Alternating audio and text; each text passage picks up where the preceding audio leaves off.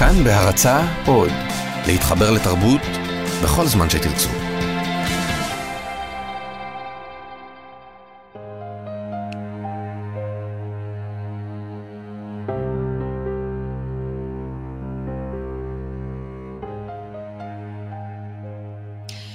שלום לכם, מאזינות ומאזינים. שלום, שירי לב-ארי.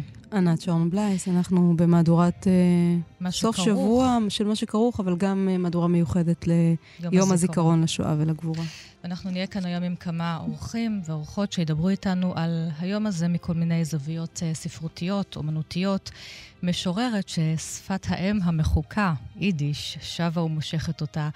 יהודים שסולקו מהתיאטרון בגרמניה והצגה גרמנית עכשווית חוזרת אל סיפורם הנשכח. שחקן שנכנס לדמותו של הסופר האיטלקי, ניצול אושוויץ פרימו לוי, שכתב את הספר, אחד הספרים החשובים במאה ה-20 הזהו, אדם, ולסיום, הגולם מפראג, עוד איזושהי זווית מעניינת ליום הזה. שלום, קרן אלקלעי גות, המשוררת. שלום, שלום. את uh, מפרסמת ספר שירים חדש, ירושה. אה, ובו את אה, חוזרת בעצם לשפת האם שלך, אל היידיש, זה ספר דו-לשוני, את אה, שנים רבות כתבת באנגלית ותרגמת לעברית, וכאן את כותבת בעצם בשתי השפות, ואת חוזרת אל בני המשפחה, אל המכרים, אל שורדי השואה, אבל בתוך השירה את גם שוזרת הומור, שזה דבר די ייחודי לכתיבה על... שואה? לא תמיד אני כותבת על השואה. אני הרבה כותבת על ה... העניין של יידיש, והשואה זה חלק מה... מה שקורה, מה שנעלם. וזאת הסיבה שאני כותבת ב... ביידיש, כי הכל נעלם. מה שנשאר, יש כמה, כמה אנשים שמדברים כמה מילים פה ושם, אני רוצה להודות, לעוד, אה, ככה לעודד אותם, שיכתבו, שידברו כמה שיותר. אה, גם אצלי היידיש הולך ונעלם, או... אבל עכשיו אני מרגישה שאני חוזרת לזה. יש שירים שלמשל שכתבתי בראש ביידיש, mm-hmm. אבל ידעתי שאין קהל, אז אני כתבתי אותם באנגלית בסוף, אבל זה מילים של הסבתא שלי. אז uh, החזרתי אותם למקור. שפת הסבתא. חשוב לומר שאת גדלת, את נולדת וגדלת בארצות הברית, שהורייך הגיעו אחרי מלחמת העולם השנייה לארצות הברית. מאוחר יותר עלית לארץ, אז את בעצם חיה בין שלוש שפות, בין היידיש, המחוקה, הדחוקה של הסבים, לבין שפת האם לכאורה של המולדת של ארצות הברית. לבין המולדת השנייה או השלישית כבר, תלוי אם שואלים את לאה גולדברג, כאב שתי או שלוש המולדות העברית. את כותבת באנגלית, בדרך כלל מתרגמים אותך לעברית, והפעם, כאמור, את שבה בעזרת המשוררת הנפלאה רבקה בסמן בן חיים. משוררת יידיש. יידיש. משוררת יידיש, כן, אחת החשובות כאן בארץ. יותר מ-90, שעדיין כן. חיה ופועלת, ויחד אתן אולי, אולי בואי נקרא... יש איזה סיפור, יש שני דברים שאני צריכה כן. להגיד. אחד זה שבעצם נולדתי באנגליה, ואני מאוד גאה בזה כן. שאני נולדתי בבליץ. ואני סליחה, הבאתי... אנגליה ועברת לארצות הברית. כן, ואחר כך עברתי, אבל uh, הוריי תמיד היו בדרכים, ותמיד ברחו ממקומות. Uh, הסיפור עם רבקה בסמן בן חיים זה שבעלה, לזיכרונו לברכה, היה גר מול ההוריי בלידה, ואימא שלי הייתה עושה לו בייביסיטר. והוא היה צייר, וראיתי את הציור שלו לפני הרבה שנים בתערוכה, ואמרתי, אוי, זה, זה המקום שהוריי נולדו, זה לא רק לידה, זה הרחוב. אפילו כתוב, השם של הרחוב. אז אמרתי, זה, אני חייבת למצוא קשר. במקרה פגשתי את, את, את רבקה כמה שנים אחרי זה, ו... הרגשנו שאנחנו אחיות. בואי נשמע את השיר שקוראים לו אחרי המלחמה, מירושה. את יכולה לקרוא אולי אותו קצת ביידיש ואחר כך בעברית, כדי שגם אנחנו כאן נחזור אל השפה. זה עמוד 27. אה, אה, אה. אחרי המלחמה, זה נוכטר מלחומה. לאחר המלחמה, ב-1950 הגיעו אלינו, לאמריקה, אנשים רבים. אנשים שלמים, אנשים חצויים, אנשים חלקיים, אנשים חיוורים. לכל אחד חסר משהו או מישהו. איגנץ וינטר הגיע עם אשתו ובנו, אבל בשתי ידיו היו רק שלוש אצבעות. וילי נייזנר היה לבדו. תמיד צחק כשעשינו ממנו צחוק, אבל כבר לא רצה לחיות. אבי מצא אותו בחדרו, לבד, קר כאבן. כל הפליטים היו לבדם. כל אחד חיפש אימהות, אבות, ילדים. הייתי לי ילדה, אבל היו לי חדר משלי, אח, אמא, אבא, אבא שלא דיבר, אמא שלא הפסיקה לבכות, ושום אדם לחפש אחריו. השיר הראשון שלך שכתבת כילדה, כתבת אותו ביידיש, שהתפרסם בארצות הברית. כן? מסתבר. כן, כן. זה גם כתוב בספר הזה בפתח הדבר, אה, וגם נכון. אמרתי על זה בכמה נכון. וכמה ראיונות שעשיתי איתך בעבר, כן, הנה. נכון, אני כתבתי על החתול שלי. כן, על החתול. זה התפרסם, מײַן קאָטער. מײַן קאָטער. זה היה, כן. אה, זה התפרסם כשהייתי בת 11, אני חושבת, בפורוורטס.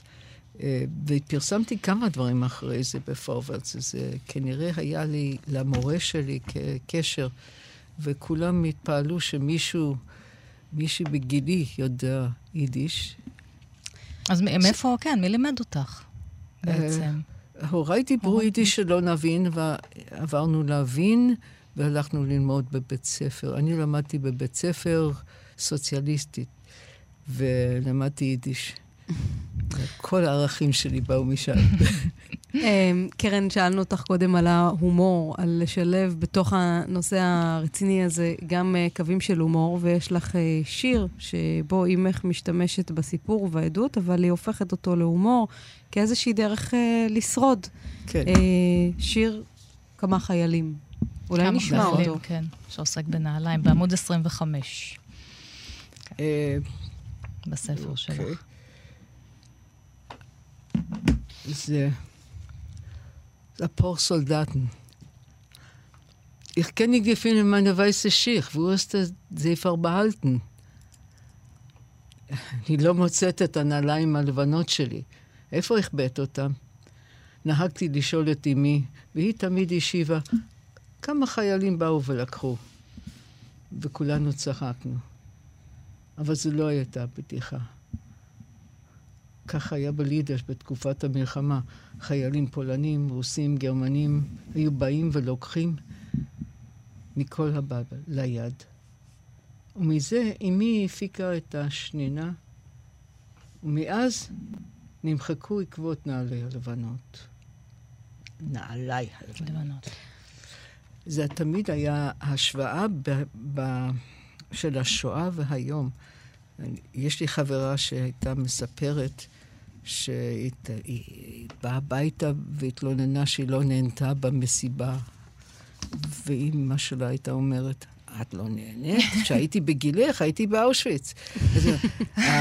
הפער, כן, פרופורציות, מה שנקרא. אז כן. אימא שלי עשתה מזה צחוק, אבל אה, אחרים עשו מזה... זה נורא מעניין רציני. גם העיסוק במוטיב הזה של uh, נעליים בכל, בכל שיחה על השואה. עוד מעט אנחנו נדבר גם על uh, פרימו לוי הזה, הוא אדם שכותב שהמוות מתחיל בנעליים. נכון. כאשר uh, uh, במחנה אי אפשר לקצות ציפורניים, ומתפתחים כן. זיהומים, ו... ושלוקחים את הנעליים. כמובן, אוספים את הנעליים, נעליים כאיזו זהות שנלקחת, זהות אחרונה שנלקחת ממך. אז כן. אפרופו הנעליים הלבנות. הדודה שלי הייתה מספרת שעטפו את הרגליים כן. עם, אה, סמרטוטים. עם סמרטוטים. כן. בספר הקודם שלך, שומרי נעוריי, שגם פה את חוזרת אל המשפחה, זה ספר שדפי קודיש תרגמה את כל השירים שלך מאנגלית לעברית.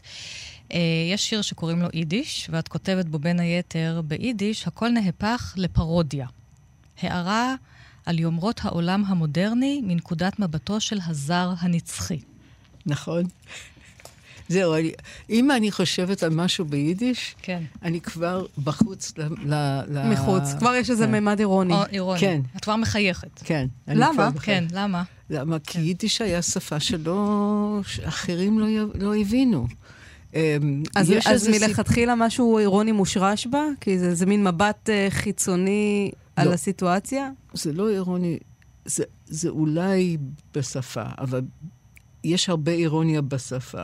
אבל יש כאלה סיפורים, על, למשל, על, על איזה כפר שדיברו משהו ש...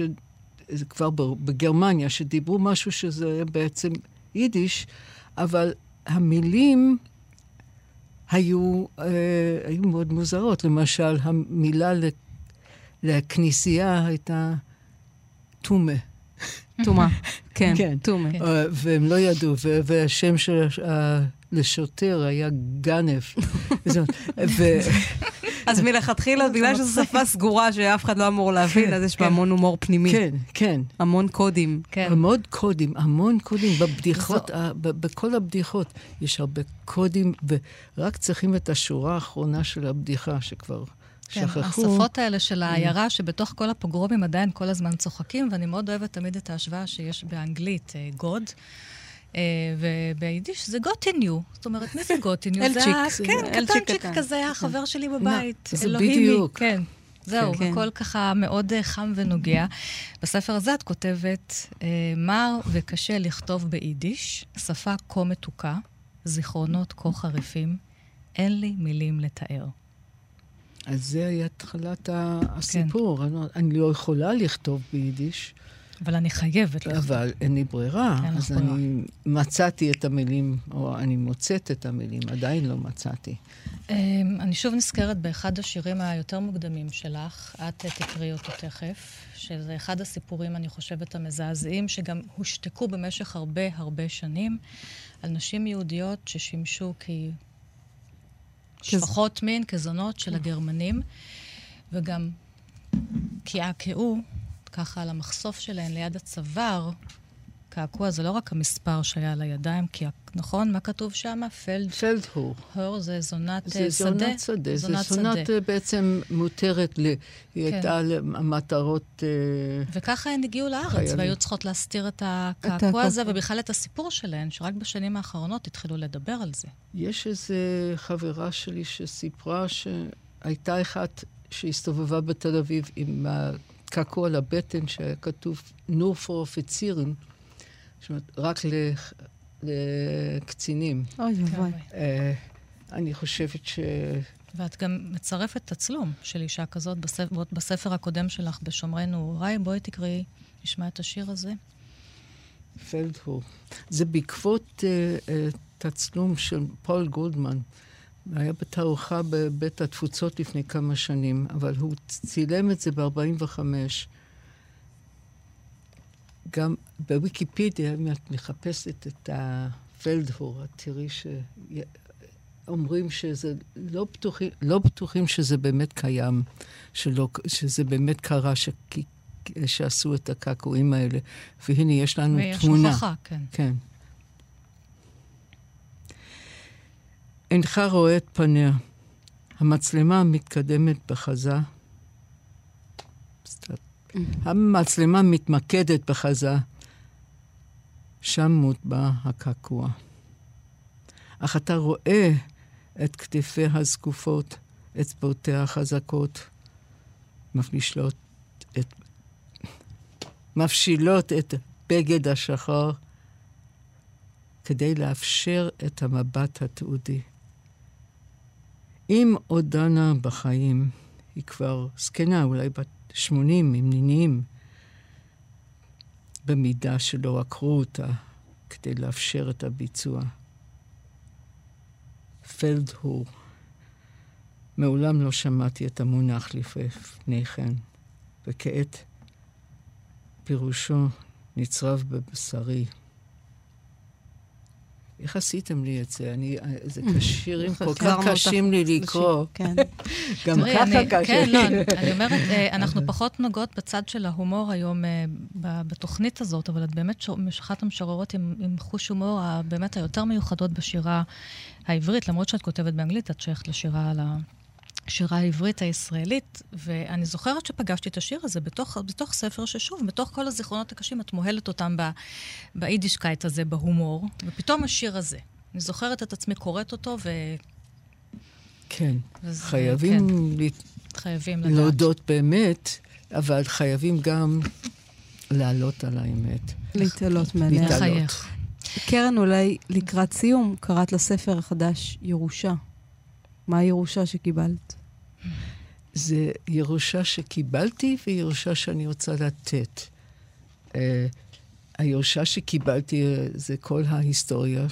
אני, ההיסטוריה שאני חייבת להעביר, כי אין מישהו שיעביר את זה הלאה. יש איזה שיר קטן בתוך השיר, בתוך הספר, ירושה, השיר השני בשם ירושה, שעשיתי וידאו עם הנכד שלי.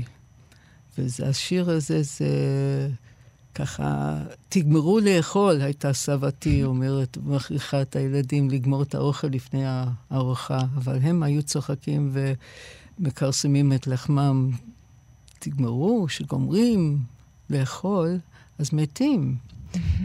אה, זה ככה חלק מהשואה, את העניין הזה של החשיבות של האוכל, וה, והנכד שלי עשה את זה בעברית. עכשיו, הוא לא הבין מילה, והוא לא יבין את, ה, את השפה הזאת, כי אין לנו איך להעביר את זה, אין לנו קורסים, אין לנו זה. אבל בכל זאת, הוא ידע שיש דבר כזה. וזה מה שחשוב לי, שידעו שיש. המשוררת קרן אלקלעי גות עם אה, ספר שירה חדש, ירושה, ושאר הספרים שלך. תודה רבה לך. תודה. תיאטרון ללא יהודים, הצגה גרמנית שתעלה ממש בקרוב במסגרת פסטיבל של תיאטרון אה, גשר אה, שייפתח במאי. מדובר uh, במחזה, בהצגה דוקומנטרית מאת, ואתה תעזור לי כאן, שלום נועם סמל. תגידי שלום, שלום ענת, שלום שירי. אתה תעזור לי עם השמות. אני אשתדל, אני לא גם כן מצוי בסוף. איך, כן. ורגינה דורה, נכון. בבימויו של האנס ורנר קרוזינגר, כן. שמספר את סיפורם האמיתי של ארבעה אנשי תיאטרון בבאדן עם עליית היטלר לשלטון בגרמניה ב-1933. והמחזה הזה כולו מבוסס על מסמכים אותנטיים. נכון. מה זה תיאטרון תיעודי? זה כן. תיאטרון שמתבסס על דוקומנטים, על, ארכיבי, על ארכיבאות, ארכיונים. הקבוצה של התיאטרון הזה מקרלסרואה, שבראשה עומד דרמטורג מאוד ידוע באירופה בשם יאן לינדר, היא קבוצה מאוד מאוד מעניינת בנוף האירופאי של התיאטרון. הם החליטו לחשוף את הסיפור של יהודי קרלסרואה בצורה הכי בוטה. אי אפשר להגיד את זה. הם הלכו לארכיונים, הם גילו את המלשינים, הם גילו את אלה ששלחו את חבריהם למחנות ההשמדה. הם הלכו לארכיונים כי הם לחפש, בכוונה לחפש. כן, הם הלכו לארכיון של התיאטרון, הם הלכו לארכיון של העירייה, הם הלכו לדבר עם אנשים, הם קראו קטעי עיתונות, הם גילו ש... כמה מאות מאנשי הרוח של קרלסרוה, עיתונאים, סופרים, משוררים, נגנים, מלחינים, שחקנים, נש... הושמדו ונלקחו למחנות ההשמדה, ובעצם העיר התרוקנה מיהודיה. אז איך משחזרים את הסיפור הזה? הם משחזרים את זה באמצעות מהלך משפטי, כאילו, שקורה על הבמה. זה משהו מעניין ביותר. זה יגיע לפסטיבל התיאטרון הבינלאומי של תיאטרון גשר ועיריית תל אביב-יפו, שאני המנהל האומנותי שלו, כן. שהפסטיבל בעצם רוצה לחשוף תיאטרון אחר. הקהל יושב על הבמה. עם השחקנים, מסביב לשולחן. השחקנים מראים לקהל את המסמכים, את הדוקומנטים. כן. עכשיו, מספרים למשל לסיפורו של הרמן לוי, המנצח של התזמורת הגדולה של קרלסרואה, שהוא התגלה שהוא יהודי יומיים שלושה לפני יום ההולדת של היטלר.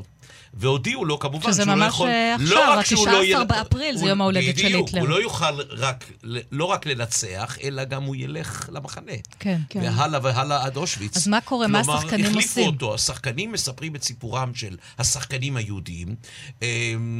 הם קוראים... יש לה אחת, הם... ינקלביץ', שהיא הייתה זמרת אופרה, הם קוראים, הם מראים תמונות. באיזה שפה זה מתרחש? בשפה גרמנית עם תרגום לעברית בכתוביות, אבל הקהל גם רואה קטעי וידאו ויומנים. הקהל בעצם הוא חבר מושבעים על הבמה. בחלק השני של ההצגה, הקהל יורד מהבמה, יושב באולם, וממשיך את המשפט כאילו של אותם אלה שגרמו למה ש... אבל בעצם זה משפט ציבורי פומבי, שתיאטרון מוביל, והם משתלבים בפרויקט גדול מאוד שקורה בעיר קרלסרואה, שנקרא אבני זיכרון. כמו שאנחנו מכירים מברלין, שאבנים מציינות את שמותיהם של היהודים שגרו במקומות. כן, אתה הולך ברחובות ואתה כמעט מועד כל פעם על אבנים בולטות, על כל אבן מצוין. וזה אז גם תזכורת לאדם, ביקורת. לאומן, יוצר, כן, יהודי בעיקר שחי הם- בעיר הזאת? אומנים, אנשי רוח, כן. עיתונאים, סופרים, משוררים, אה, כל האנשים האלה קיבלו אזכור באבנים ובתיאטרון, הם מציגים את ההצגה, וההצגה היא עדות חיה ומצמררת לשיתוף הפעולה שראינו אותו בהצגה מפיסטו. בזמנו, או בסרט מפיסטו, ואנחנו פה רואים על הבמה. בדיוק, בדיוק בדיוק, יש לנו כאן אה, שאלה על שאלה על מפיסטו, אבל תכף, תכף ש- נדבר אליו, כן. נצרף את אה, דוקטור אבישי מילשטיין, שהוא גם חלק הוא כבר עלה לשידור? כן, כן, שלום אז אבישי. אבישי, אל תתקן אותי אם. אמרתי דברים לא בדוקים, כי אני לא ראיתי את ההצגה, אבל ראיתי את הוידאו, כן. ואבישי עומד מאחורי כל הביקור כן, הזה. ואתה הוא ה- גם ראית את המסמכים, אבישי, וביקשתי ממך, ממש הבוקר שלחת לי איזשהו קטע על הלחשנית של התיאטרון, שזה נכון. באמת אחד המקצועות המאוד חשובים, הלחשנית של התיאטרון, כמובן יהודייה. והיא כותבת אל המנהל האומנותי, אני ממש מצטטת פה כמה משפטים, אני אזרחית גרמניה, אני ממשפחה גרמנית של דורי דורות, מעולם לא חשבתי או הרגשתי שאני משהו אחר אלא גרמניה. רוצים לסלק אותי מהתפקיד משום שאני איני ארית. אני, היא עצמה עכשיו, היא, היא כן נשואה לבעל ארי, אבל הוא שירת בצבא ולכן היא צריכה לפרנס. והיא אומרת, הנה אח שלי היהודי, הוא נפצע בשירותו הצבאי, הם כולם נפצעו או שירתו גם במלחמת העולם הראשונה. והיא לא מצליחה להבין מדוע מסלקים אותה והיא לא יכולה לעבוד במקצוע שלה. נכון, והוא כמובן אומר לה הסירוב. לא. כן, הוא אומר לה לא. מכתב הסירוב אומר, אנחנו בעצם מתחשבים רק בכאלה ש- ששירתו ב... במלחמת העולם הראשונה, את לא שירתת ב- לקרוב משפחה, לכן לא נחזיר אותך כן. לעבודה. זה באמת מסמך אותנטי, זה אחד, היא אחת מהגיבורות של, ה, של, של, ה, של האירוע הזה, של הערב הזה, של ההצגה הזאת. אז זהו, זה אירוע והצגה ביחד. אה, אבישי, לאח- לאחרונה, אני ככה שמה בסוגריים, יש יותר ויותר אה, הצגות תיעודיות. אה, גם נגיד השימוע שעושה רננה. רז, כן. שגם הוא מבוסס על מסמכים ועל תיעודים, וזה בשיתוף הקהל, וגם אז הקהל הוא עד.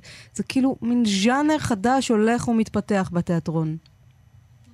אני חושב שבמקרים האלה יש פשוט איזו מבוכה נורא גדולה של היוצרים, אה, כשהם אה, מתמודדים מול אה, דברים כל כך מחרידים, לפברק אותם. כי הפיברוק הופך באמת לפיברוק גם בנשמתו של האומן. זאת אומרת, האומן אומר, יש כאן חתיכת מציאות שהקהל לא חשוף לה, הקהל אולי רק משמועות מכיר אותה.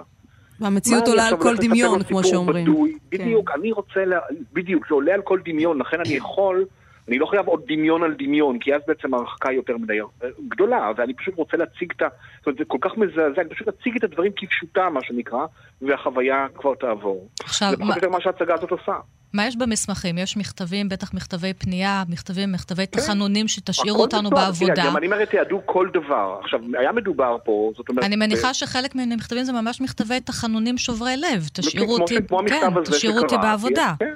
יש כאלה, יש, יש למשל שם מסמך מדהים של, אה, של ועד השחקנים של התיאטרון. ועד השחקנים של התיאטרון ביום הולדתו של היטלר הוציא אה, תוכנית היום, היה- תוכנית היום, מה, מה, מה, מה הם הולכים לעשות באותו יום? לעשות טיול, לשיר שירים, לשבת מסביב למדורות. אנחנו פשוט דרך, דרך המסמכים האלה אה, מקבלים מבט הנוקב ביותר והאינטימי ביותר והמדויק ביותר על היומיום. של איך התנהל תיאטרון גדול, מפואר, בעיר גדולה וחשובה בתקופה ההיא. כשבעצם לכל אורך הדרך האנטישמיות, הנאציזם, אה, הולך ומחלחל לתוך, ה, אה, לתוך האירועים. ועכשיו, בגלל שגרמנים, אנחנו יודעים, הגרמנים תיעדו הכל, כל פרט, כל מכתב, זה, התיאטרון הזה זה מוסד ציבורי. הוא שייך לעירייה, הוא שייך למדינה. אז הכל מתועד, הכל נמצא בארכיון, אה, מסמך אחד שהם השמיטו. אפשר בעצם לחשוף את המסמכים האלה, שאלפי מסמכים, אני בטוח שיש עוד הרבה מסמכים שהם לא השתמשו בהם אה, להצגה הזאת, הם לקחו דוגמיות מתוך התקופה הזאת, כי הם מתעדים שם תקופה די ארוכה, בעצם מ-1933 עד 1938. ב-1938 בעצם הקהילה היהודית של, אה, של קרלסרואה, אה, אפשר להגיד חוסלה סופית על ידי הגירוש הגדול שנעשה, של מי שעדיין נשאר בקרלסרואה וגורש ל... לגיורס, למחנה גיורס בצרפת, קרלסרואה היא קרובה לאלזס, לגבול הצרפתי. כן. בעצם זה היה המסלול של היהודים דרך גיורס, אחר כך כמעט כולם הלכו לאושוויץ. כל האנשים האלה שמוזכרים בהצגה, הם כולם אה, לא, לא איתנו יותר וגם לא חזרו מהמלחמה. זאת אומרת, אף אחד לא שרד. אף אחד לא. אף אחד לא עכשיו, שרד. אנחנו נועם, הזכרנו קודם את אה, מפיסטו, ואתה, כן. אבישי, גם דיברת על תיאטרון ש- שמתרוקן מהיהודים שלו. במפיסטו אנחנו רואים שחקן שכדי ש- להישאר בתיאטרון, כן. כן. כן, משתף פעולה עם, ה, עם הנאצים, והוא רואה את החברים שלו היהודים הולכים ו- ו- הרבה ומודרים, נעלמים, מודרים מהתיאטרון ומהחיים בכלל. כן. זה כמו מחזה אחר שאבישי מכיר, מחזה שנקרא טוב, של סי.פי טיילור, הבריטי, שבעצם מתאר אינטלקטואל גרמני, שגם הופך לנאצי. אינטלקטואל, פילוסוף, איש רוח גדול. זאת אומרת, זה לא רק שיתוף פעולה, אלא גם הוא משרת את החיה הנאצית. זאת אומרת, הוא נואם באירועים שלהם, הוא שר, הוא משתתף בימי הולדת, במסיבות, בכל פילוסוף החגיגות. היידיגר החשוב ביותר, שראה את החברים שלו מהאוניברסיטה בפרייבורג, גם כולם הלכו והוא שתק. כן. הוא שתק. כן. על זה כתבה סביון ליברכט את הבנאליות של נכון, אהבה, כן. עם היחסים המיוחדים שלו עם חנה ארנדט. אבל זה סיפור אחר. אני, רוצה עוד אה, רגע לפנות לניר רון שנמצא איתנו באולפן, ואנחנו תכף נדבר איתך על ההצגה זהו אדם שאתה מעלה בתיאטרון החאן וגם אתמול בערב העלית כאן בתל אביב. ניר, אפרופו העניין הזה של הלהישאר על במה, אתה אתמול סיפרת שכחלק מהעבודה על ההצגה, שאלת את עצמך מה הדבר הכי יקר שיכול להילקח ממך, לא הכי יקר, אבל הדבר הזה שמגדיר אותך, שאת האישיות שלך, את הזהות שלך, ואמרת המשחק, הבמה. ואם לוקחים לך את הבמה, אתה מרגיש איזה סוג של שואה, כן? שאלת את עצמך מה זה שואה בשביל שחקן, זה, זה להיות בלי במה. והנה כאן שוב עולה הסוגיה הזאת, גם במקרה של אה, מפיסטו וגם במקרה של חבורת האינטלקטואלים, השחקנים, היוצרים היהודים אה, בבאדן. לוקחים לך את הבמה, אתה מפסיק להתקיים. אה, כן, אני חושב שבשלום קודם כל, כן.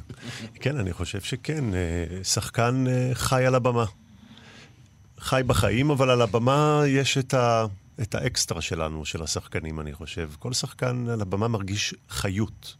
חיות, חיות, חיות. גם כשאתה משחק אה, מישהו שמת, אתה חי. כן, במקרה של פרימו לוי, אנחנו תכף נעריך את זה. אני רוצה רגע, לא- אולי עוד איזושהי מילה, נועם או אבישי, על הנושא הזה באמת של אה, אין את הקיר הרביעי בהצגה הזאת. הקהל, בהצגה של קארל סרואל, כן. שתעלה ב-27 וב-28 למאי. וזה בבית חלק סטודיו ניסן מפסטיבל, נתיב, כן. פסטיבל תיאטרון בינלאומי שתשתתף כן. בו- בו לפחות 15 להקות תיאטרון מכל העולם, כולל מטורקיה. ויהיה תרגום כולו- ויהיה סימולטני. תרגום בכיתוביות, בכיתוביות. גם בהצגה, ומעט כרטיסים יש למכירה, כי כמו שהסברתי קודם, הקהל יושב על הבמה, לפחות אבישי, נכון? בחלק אין הראשון. קיר רביעי. כן, אין, ההצגה אשליית- הקהל יושב על הבמה. אשליית התיאטרון אה, בעצם מתפרקת פה לחלוטין, ממש יותר מזה, אני משתפים חושב אותנו. יסביר, כי הוא ראה את זה התחושה היא הרבה יותר בגרמניה, מחרידה. כן. כי בעצם מה שקורה, הקהל בעצם מגיע, הוא מתיישב סביב לאיזשהו מיזוג של שולחן. אני חושב שמי שנכנס אה, עם, אה, כקהל לתוך החלל, הוא לא בדיוק רואה את זה, אבל במבט על, אפשר לראות שהשולחן הזה בעצם, אה, הצורה שלו היא של צלב קרס. מי שנכנס Mm. לבמה עצמה הוא לא רואה את זה, הוא מבחין באיזה מין אה, קונפיגורציה של שולחנות, והקהל פשוט מתיישב. עכשיו, מול הקהל ישנם קלסרים, אה, שהוא גם יכול לגעת בהם. וכמובן, זה לא המסמכים האותנטיים, זה צילומים של המסמכים האותנטיים, אבל זה נראה כמו המסמכים האותנטיים. ובשלב מסוים השחקנים נכנסים ומתיישבים בתוך הקהל, הם, הם גם לא לבושים, את יודעת, באיזה מין בגדים תקופתיים כן. מיוחדים, והם פשוט מתחילים להגיד את הטקסטים שרשומים בתוך המסמכים האלה בצורה הכי שקטה, הכי אינטימית, הכי קרובה. הם לא צריכים אפילו להרים את הקול. ופתאום, פתאום, בבת אחת, הקהל פתאום מרגיש שהוא נמצא בתוך ההתרחשות. כן, שהקהל הוא בעצם, מ- כן, כן, הוא שהוא חלק שיש מן התיאטרון. התרחשות, הוא מבין שיש התרחשות, אחר כך הוא מבין מהי ההתרחשות, ואז מתחילה הצמרמורת. ואז מה שקורה, השחקנים מתחילים אה, ללכת, הם הולכים בתוך הקהל, בינו לבין עצמו, הם עולים על השולחן, יורדים מהשולחן, זה לא משנה. יש שם למשל איזה מין טקס חוזר ונשנה של כוסות תה, יש שם איזה מין עגלה כזאת שמכניסים כוסות תה, כאילו כל ה- ה- הדימוי המשרדי, הבירוקרטי של הנהלת התיאטרון, ששתו תה, אז את כל המכתבים האלה הם מקריאים אחרי שהם בוחשים את התה. זאת אומרת, בעצם הקהל הופך להיות חלק... הוא, הוא כאילו, מה שנקרא, זבוב על הקיר באותם משרדים של אה, הנהלות התיאטרון כשהם ניהלו את השיג ושיח עם האומנים היהודים שלהם מאז, והוא צריך להתחיל לנקוט עמדה. עכשיו, נקיטת העמדה היא פנימית, אתה לא באמת, אין לך, הוא לא יכול לעשות שום דבר, חוץ מאשר להזדעזע, אבל אתה בעצם מבין את הקושי בלא לנקוט עמדה כשאתה נמצא בתוך הסיטואציה, כי אתה בתור קהל לא יכול לנקוט עמדה. וזה בעצם מה שהמחאה השקטה שההצגה הזאת אומרת גם לאותם המוני גרמנים שסבבו את האירועים האלה וראו איך יום. אחרי יום בעצם השמות המפורסמים של האומנים היהודים נעלמים, נעלמים מה, מהפלקטים, ואף אחד לא שאל למה, ולאן הם הלכו, ולמה, ולאן הם נמצאים. והקהל פשוט נמצא בתוך הסיטואציה הזאת, וגם עם, עם המכשולים ועם זה, וזה, אני חושב שזו פשוט חוויה באמת אדירה. מאוד דוק- אינטימית, אבל מאוד מדויקת. דוקטור אבישי מילשטיין, אנחנו מאוד אה, מודות לך על השיחה הזאת, ועוד אה, רבה. מילה אחת איתך, נועם כן, אה, סמל, כן. ביום ראשון הקרוב, אירוע בין הצפירות אה, בבית לוחמי הגטאות, 35 שנה להתעוררות היצירה של בני הדור השני לשואה, בשנים האחרונות זה כבר בני הדור השלישי, מפגש ושיח עם יוצרים, והוא לזכרו של... אה, לזכרה. לזכרה של כן, נאוה סליחה, סמל. לזכרה של אה, זוגתך, זוגתך, הסופרת, שנמצא פה סמל. ניר רון, כן. ואתמול, אמש, חלקנו את אותה במה. כי התיאטרון החאן עשה מחווה מאוד יוצאת מן הכלל, והקדיש את שתי ההצגות של ניר רון, הזהו אדם, כן. לשיחה של נאוה. ושתי ההצגות היו בבית ציוני אמריקה בפני אולמות מלאים, עם קהל נרגש מאוד, ולפני ההצגה הראשונה, אני עוד השתתפתי בפאנל על איך השואה, או איך זיכרון השואה מתבטא בתיאטרון הישראלי, וגם בהצגה השנייה היה פאנל אחר ששם לא השתתפתי, כי כבר נסעתי למקום אחר, למשואה, כי גם שם היה הנצחה, ואנשים פשוט שלחו לי היום מיילים וסמסים שהיה מאוד מרגש. קודם כל ההצגה של ניר, ודבר שני כמובן הפאנל, ושחקנית נפלאה של החאן, אודליה מטלון מורה, קראה מתוך, שני אה, שירים צחוק מתוך שלך- יצירותיה כן, של נאוה, חושבת שמתוך צחוק שלך בראש, כן. שעוסק בעצם בזיכרון השואה כן. בעוד מאה שנה. כן. כן, והספר האחרון שלה, פאני וגבריאל. על הסבא וסבתא, שגם כן. הוא אה, עוסק שם זה בצורה זו חוצה או את כל אחרת. המאה ו- השנים כן, שירי האחרונות של ואני עוד המאה היינו. איתה בשיחות אחרונות, והיא הייתה נכון. אמורה להגיע לכאן, בסוף נכון. לא זכינו, אז זה שירי טלפנה לזכרה. אליי כמה פעמים ולא יכול. כן, לא יכול. כן, ואני עוד... אז מה שרציתי להגיד לגבי לוחמי הגטאות, זה כנס שיהיה ביום ראשון, בארבע וחצי אחר הצהריים עד תשע בערב, עם סביון ליברך ויהודית רוטן, כן. ואלה מילכשרי ויונה אליאן ואחרים. אחת היצירות המרתקות שיש פה בגוף היצירה הישראלית, הדור השני, מה שהוא נכון. עשה פה. ונשים, כן, גם והרבה המון המון נשים. סופרות נשים מעניין שירי, זוכרות. ותכתוב אסתר, זו שזוכרת וכותבת את כן. המאורעות. תודה רבה. לכם. תודה לכם. נועם. תודה רבה. אה, אז זהו אדם, ספרו המפורסם אה, של אה, פרימו לוי, סופר יהודי איטלקי. אה, הוא פרסם אותו ב-1947, זמן לא ארוך אחרי החוויה שלו, והוא מתאר שם את השנה שלו באושוויץ, את חוויות היום-יום. הוא נלקח על ידי אה, חבורה של פשיסטים איטלקיים ב-1944, די סמוך לסוף המלחמה, ונשלח לאושוויץ יחד עם עוד 650 יהודים איטלקים, רק, רק 20 מהם אה, שרדו שם. והוא עבד שם בעבודות כפייה, וחווה את החוויה שחצתה את חייו אה, לשניים. תיאטרון החאן מעלה זה שבע שנים אה, הצגת יחיד, שמבוססת על הרומן הזה של אה, פרימו לוי. את המונולוג, באורך שעה, בגוף ראשון, מגולל השחקן ניר רון, שלום ניר. שלום. אתה לוקח את החוויה של פרימו לוי מתוך הספר, שהוא כותב בטון מאופק יחסית, ענייני, לא, בלי הרבה פתוס, ודווקא זה מה שכל כך כל כך נוגע בקהל. אה, כן, אני חושב שזה גם מה שנוגע, לפחות לפי מה שאני גם קורא וגם שומע כל, מי- בכל, כל מי שבעצם אה, קורא את הספר הזה, דווקא אני חושב ה- ה- היומיומיות והפרטים הרבים הם אלה ש... שלפי דעתי נוגעים בכל אחד, כי פתאום בזמן הקריאה, וזה גם קרה לי בקריאה הראשונה כמובן, אתה פתאום מתחיל לראות את עצמך מאוד. אתה בודק את עצמך דווקא בהיום, היום, במאה ה-21, אתה פתאום מנסה לבדוק את עצמך ביחס לאותם פרטים שפרימו מדבר עליהם. כן, קור, מה זה אומר לבדוק? קור, כן. רעב.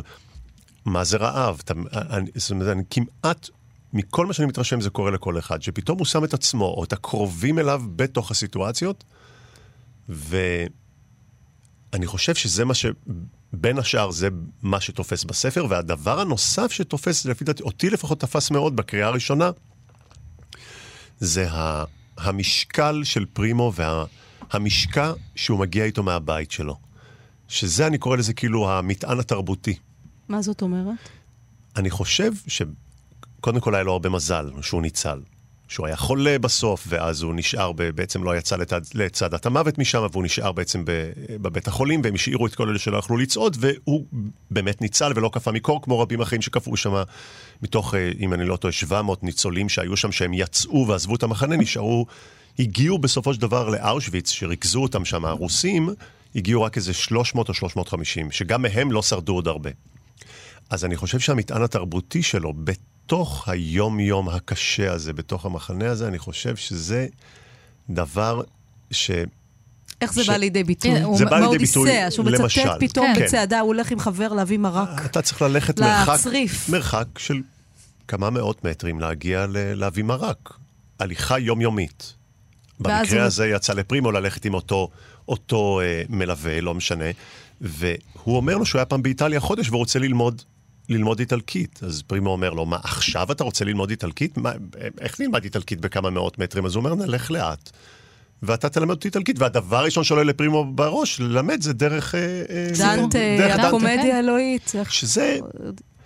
אתה מתחיל בכן, לא, שלום, תודה, בבקשה. אבל הוא בכלל מתחיל ממקום אחר לגמרי, שזה מיד מסתמן. וגם, אני חושב, היכולת של פרימו לכל אורך הדרך באמת לראות, כאילו להשקיף על הדברים מבחוץ במידה רבה. כמו מדען, הוא קצת מסתכל בדיוק, על זה כי הוא היה. כימאי, אה, וההסתכלות הזאת של, על הדברים הקטנים, על הנעליים, כמו שדיברתי קודם בתחילת התוכנית. אתה מתחיל גם את כן. ההצגה שלך, המוות מתחיל בנעליים. אי אפשר לקצות ציפורניים, אוקיי? זה לא רק עושים? זה, עוד אז קודם. הציפורניים נתלשות מהרגליים, ואז יש פצעים, ואז זה מזדהם.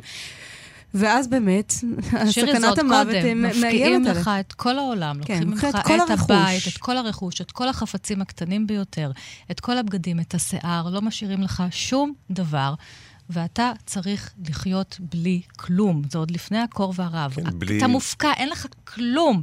אין לך בגד, אין לך שום דבר שיגן עליך, שום אין- חפץ אין- לגעת. אין ל- אישיות אין, בעצם. כן, וכך מוחקים לך את האישיות. נכון. והוא, והוא, והוא מצליח באמת עם, ה, עם, ה, עם הכוח הנפשי והרוחני הזה, של שמה שיש במוח אי אפשר למחוק את הסיפורים, את הטקסטים, וזה מצליח לשמור עליו באיזשהו אופן. אין חפצים, אין בגד, אבל יש לי ספרים בראש, יש לי ציטוטים בראש. כן, ציטוטים, ויש את ההסתכלות באמת, באמת של פרימו הרחבה, גם על, באמת על, ה, על היום-יום הזה, שזה באמת דבר מדהים, לראות בתוך... עוד פעם, אותי זה תופס הרבה פעמים בחיים, שאני הרבה פעמים בתוך טוב, כן. שמאוד טוב, אפילו עכשיו בבוקר, וזה כמעט כל הזמן, החיים שלי נהדרים בסך הכל. באמת, טוב לי. אבל אני בתוך זה מנסה תמיד לשים את עצמי באיזשהו, או עולה לי בראש הדבר הזה של רגע, ומה יקרה אם יקרה עכשיו ככה? תנסה רגע עכשיו מפה להמשיך. ולזכור את זה באותו רגע. זאת אומרת, לזכור, לזכור גם את הרע בזמן שטוב וגם את הטוב בזמן שרע. זאת אומרת, את, איכשהו כאילו, אני מגדיר את זה בטוב ורע, זה לפי דעתי הרבה יותר רחב מטוב ורע. ופה כן, יש אבל- לך את הסיפור הפרטי שלך, איך אה, התכוננת לדמות הזאת אה, של פרימו לוי, והוא קשור בלינה המשותפת, הקיבוצניקית. שמעתי את זה מהבימאית של ההצגה, ממור פרנק, ואני אשמח אה, אם תשתף אותנו. כן, בדיוק היה לנו מפגש של הבני כיתה, אז אה, נזכרנו בדבר הזה. איזה קיבוץ אתה? ש... אני בן קיבוץ משמר העמק, ובאמת הייתי בלינה המשותפת, זה מה שחוויתי. שהתברר לי, זאת אומרת, ידעתי את זה, אבל לא באופן ודאי, שהרבה בני כיתה שלי חוו את זה כחוויה נהדרת, פנטסטית. ובכלל, זאת אומרת, ב- ב- ב- בשיתוף הזה יש גם המון דברים נפלאים, כן? לי היה קשה עם הלילה. זה הדבר פחדת, היית ילד כן, קטן, אתה נכון, רצית בדיוק. את אבא ואימא. אז uh, עברתי עם זה הרבה גלגולים, אני לא אכנס לזה כי זו שיחה של ארבע שנים עכשיו, פחות או יותר, כי זה מה שעשיתי עם הפסיכולוגית שלי. אבל uh, אחד הסיפורים באמת שסיפרתי למור במהלך העבודה, ובאמת, אני חייב להגיד במאמר מוסגר שזה כל כך גדול השואה. זה הרבה יותר גדול מכל אחד, אז uh, רק בשביל להתחיל לגעת בזה, אתה חייב באמת להתחבר לנקודות, כמו שאמרת קודם, שירי, בהתחלה, שזה העניין הזה של שחקן שצריך לחיות, הוא צריך להיות על הבמה. שזה משהו שאני יכול להתחבר אליו. לא שואה. אני יכול לדגדג אותה. אז באמת החיבורים שלי הם במקומות קטנים. אם פרימו מדבר על האהובה, אז זה האהובה שלי. אם הוא מדבר על הר, זה ההר שלי. ואם אני מדבר למשל על כל מיני קשיים שהיו לי בילדות שלי, או יכול להתחבר לכל מיני דברים, לרגעים, כשחקן, וזה נכון לגבי כל הצגה, אז באמת הלינה המשותפת גרמה לי הרבה פעמים לצאת מבית הילדים גם באמצע הלילה, שכל הילדים כבר ישנו, וזה גם היה בגשם ובקור. והייתי מגיע לחדר של ההורים שלי בקיבוץ שהיה לא רחוק, כ-250-300 מטר מבית הילדים. לא רציתי להעיר אותם, כי הם עובדים מאוד מאוד קשה, והם קמים נורא מוקדם לעבוד, ובקיבוץ עובדים. אז לא הייתי נכנס לחדר, אלא הייתי ישן על, ה... שטיחון. על השטיחון של הניקוי נעליים בחוץ, במרפסת פתוחה, שבחוץ גם יורד ככה גשם וזה. שלא לא, לא, לא יבינו, שלא לא ישתמע לא נכון, אני מאוד אוהב את ההורים שלי וגם אהבתי אותם כן. אז, וגם אני אוהב אותם היום מאוד מאוד מאוד, אבל אבל זו אסוציאציה כן, שלך כן. מהדרגה של השטיחון. אה, יכול להיות, כן. מהבדידות, כן, כן, מהבדידות כן, של, כן. פרימו לוי לבדידות שלך, של כן. ילד קטן שישן לבד. שמעתי את הסיפורים דומים לשלך מעוד כמה וכמה חברים קיבוצניקים שלי. ו... ו- כן, ואתה גם בהצגה אומר, ככה לקראת הסוף, הגעתי לתחתית. ומהי התחתית? כשאדם מחכה שחברו הגוסס במיטה ליד ימות כדי שיוכל לקחת את פרוסת הלחם שלו. כן. והוא כותב את זה. והוא כותב את הדברים שהוא ראה באמת, ואפשר אפילו לראות, וזה לא כל כך נעים לפעמים, את המחנה, את, ה... את מחנה העבודה הזה, כאיזה מיקרוקוסמוס לחיים. כי גם בתוך המחנה יש מעמדות, יש יהודים ויש יהודים, יש בליל של שפות, בליל של תרבויות, יש כל מיני סוגים של אנשים. והוא מתאר את זה בספר. כן. כן, כן, אני חושב שהוא תיאר את זה נפלא, ואני גם חושב שזה מה שליווה אותו. אה, זה לא, אתה יודע, אנחנו אומרים פלנטה אחרת, אבל פתאום לא אתה כן. מסתכל על המחנה ואתה אומר, רגע, זה, זה, זה גם סוג של שיקוף של העולם לגמרי. שם בחוץ. וצריך לזכור שפרימו באמת נכנס אליו לאחר, ל-11 חודשים האחרונים. הוא לא היה שם מההתחלה, אבל זה מהר מאוד הופך להיות, אה, כן, מדינה בפני עצמה, מה שנקרא, אה, ישוב בפני עצמו. עם זה עוד חוקים נושא, וכללים כן. ומעמדות. עם חוקים שאין חוקים, וזהו זהו. והנושא הזה של המעמדות, גם בגטו וגם במחנות, הוא גם נושא שבעבר הושתק, כי הרי כולם לצורך העניין שותפי גורל, הגורל היהודי, והיום יותר ויותר מוציאים את זה לאור, הנושא הזה, שבכל מקום המעמדות נשמרו, העניים והחולים והזקנים נשלחו יש, ישר יותר מהר אל המוות, נכנסו לרשימות, לא דאגו להם, ואנשים שהיה להם...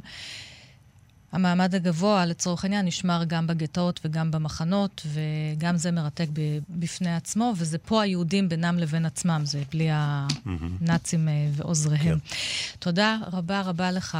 תודה זהו לכם. האדם, ניר רון, מגלם את פרימו לוי, תיאטרון החאן. תודה. להתראות. ועכשיו אה, עוד קצת... אה, קצת... כיוון, כיוון אחר. כיוון אחר קצת. כן. על יהדות פראג נדבר, כי ביום ראשון התקיים בבית אביחי אירוע על אה, יהדות פראג. אה, יהדות צ'כיה בדרך כלל אה, ככה מזהים אותה, את יודעת, עם, עם קפקא. כשאומרים פראג ויהודים, כן. אז נזכרים בקפקא, נזכרים כמובן בהגדה על הגולם מפראג. אה, ועל מי שמזוהה איתה ועם רוח התקופה, המהר"ל, מיד אה, נדבר עליו. יהדות צ'כיה נכחדה כמעט כולה בשואה, והמעטים ששרדו התפזרו אחרי המלחמה על פני כל העולם. חלק ניכר מהמורשת של יהדות אה, צ'כיה נשאר כתוב בספרות הרבנית, וגם בחפצי אומנות, וגם במבנים שהשתמרו, וכמה יצירות אה, ספרותיות אה, כמובן. באירוע ביום ראשון השתתפו הפרופסור אביגדור שנן, עופר אדרת מעיתון הארץ ידבר על כתבי קפקא, והדוקטור אורית רימון מהאוניברסיטה הפתוחה, שתדבר על מה- המהר"ל ויהדות פראג במאה ה-16. שלום, דוקטור אורית רימון. אורית? שלום. שלום, כן. את איתנו על הקו?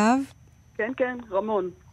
שלום, אורית רמון. Uh, היהדות, uh, הקהילה היהודית בצ'כיה, הייתה בעצם uh, uh, קהילה משגשגת, uh, בטח במאות שאת מדברת עליהן, כן, uh, 15, uh, 16, חלק uh, אומנם מהקיסרות האבסבורגית, אבל אחת מהרבה הרבה קהילות נוצריות שהקהילה היהודית הייתה אחת מהן. יחסית, הם נהנו ממעמד לא רע. אה, כן, כן, כמו הרבה קהילות באירופה, באירופה הנוצרית בכלל ובמזרח אירופה בפרט, אה, הקהילה היהודית בעצם הקיום שלה התבסס על, אה, על כתב זכויות, על פריבילגיה, שניתנה כבר במאה ה-13, אבל חודשה שוב ושוב על ידי כל השליטים של הארצות הצ'כיות, כולל האבסבורגים. אה, אבל מה, ש, מה שבעצם עיצב את, ה, את הייחוד של הקיום היהודי במאות האלה בארצות הצ'כיות היה, הייתה באמת המציאות, אה, המציאות עצמה, לא כל כך המסמכים ולא כל כך ההגדרה המשפטית של, ה, של כן. המעמד שלהם. ובאמת, בעניין הזה, ריבוי הקבוצות הנוצריות היה אה, אחד הרכיבים אולי הכי משמעותיים במציאות הזאת. אורית, אה, ב- בתוך הפעילות של הקהילה היהודית היה דמות מאוד מאוד בולטת, שהוא המהר"ל אה, אה, מפראג. אדם ידען, פוסק הלכה, אה, בקיא בפילוסופיה, גם בקיא בחיים הפוליטיים של היהודים. מי הוא היה המהר"ל? אז האמת היא, זה מפתיע, אבל הרבה עליו אנחנו ממש ממש לא יודעים. זאת אומרת, הוא דמות כל כך מפורסמת, אבל על החיים הפרטיים שלו אנחנו ממש לא יודעים. לא יודעים הרבה, אנחנו יודעים שהוא התחתן עם אה, אה, אישה, בת למשפחה מאוד מכובדת אה, מפראג. אנחנו יודעים שהוא כיהן ברבנות של מורביה בעצם במשך 20 שנה, מ-1553 ל-1573. אה, 20 שנה הוא ישב בעיר שנקראת מיקולוב, או ניקלסבורג, השם הגרמני או היהודי שלה.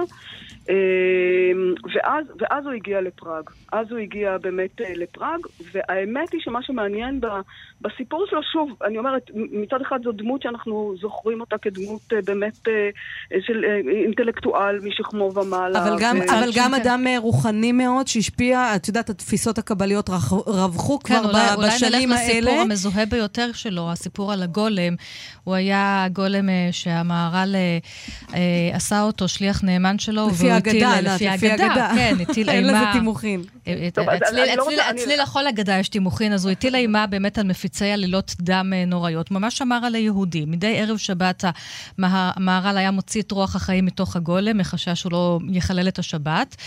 ובאחד מימי השישי הוא שכח להוציא ממנו את רוח החיים, הגולם יצא החוצה, חילל את השבת, סיכן את הגויים, סיכן את כולם, הרב רדף אחריו והשיג אותו אה, מחוץ לבית הכנסת, ושם הוא הוציא ממנו את רוח החיים, והגולם מתנפץ לרסיסים. האמת זה סיפור יפהפה. זה כן. אני בטוחה שיש לו תימוכין, ו, ושוב, וזה קשור באמת בנושא הזה של רדיפת היהודים הקבועה. והנה מישהו שממציא או יוצר יש מאין, בורא, כמעט עושה מעשה אלוהי, כדי לשמור, זה החבר הדמיוני כן, שלנו שמגן לשמור עלינו. לשמור על היהודים. אז אני, אני, לא, אני לא יודעת עם מי, עם, מי, עם מי אני מדברת, אבל אני, זה לא נעים לי להיות אה, אה, הורסת שמחות, כן. אבל אה, הגולם נקשר בשמו של המהר"ל איפשהו במאה ה-19. כן, בעקבות הספר שציטט את החתן של המהר"ל, שכביכול עזר לו לבנות את הגולם, נכון? משהו כזה. לא, לא ממש, לא ממש, זה כל מיני סימוכים שנמצאו או הומצאו מאוחר יותר. ואני חייבת לומר שאני כהיסטוריונית נמנעת לדבר על הקשר שבין... שאלנו היסטוריונית על ספרות. שבין המהר"ל, כן. בין המהר"ל לגולם, אבל מה שרציתי לומר, מה שהתחלתי לומר קודם, זה שבאמת הדימוי של המהר"ל הוא של אינטלקטואל באמת גם בקיא בקבלה, גם בקיא בפילוסופיה, ומבחינתו באמת כדמות רנסנסית מובהקת. כל התחומים האלה, גם המיסטיקה וגם הרציונליזם, הכל נתפר לאיזה הרמוניה אינטלקטואלית אחת. אז, אז מבחינה זאת ככה אנחנו הכרנו אותו, וכנראה שהוא באמת גם היה מאוד מוערך בתקופתו על ידי הקהילה. דוקטור אורית רמון, זה נושא מרתק ואנחנו נשמח uh, להרחיב עליו ולמצוא עוד הזדמנויות לדבר על המהר"ל ועל קהילת יהודי פראג. אנחנו פשוט רגע לפני החדשות ואנחנו כן. צריכות לסיים את התוכנית, אז אנחנו מודות לך מאוד ובהצלחה בהרצאה בבית אביחי ביום ראשון. בבקשה ותודה תודה, רבה. תודה אורית רמון. תודה ליטל אמירן, תודה יבגני לזרוביץ', תודה שירי לב-ארי. ענת שרון בלייס, המשך האזנה נעימה לכם. להתראות.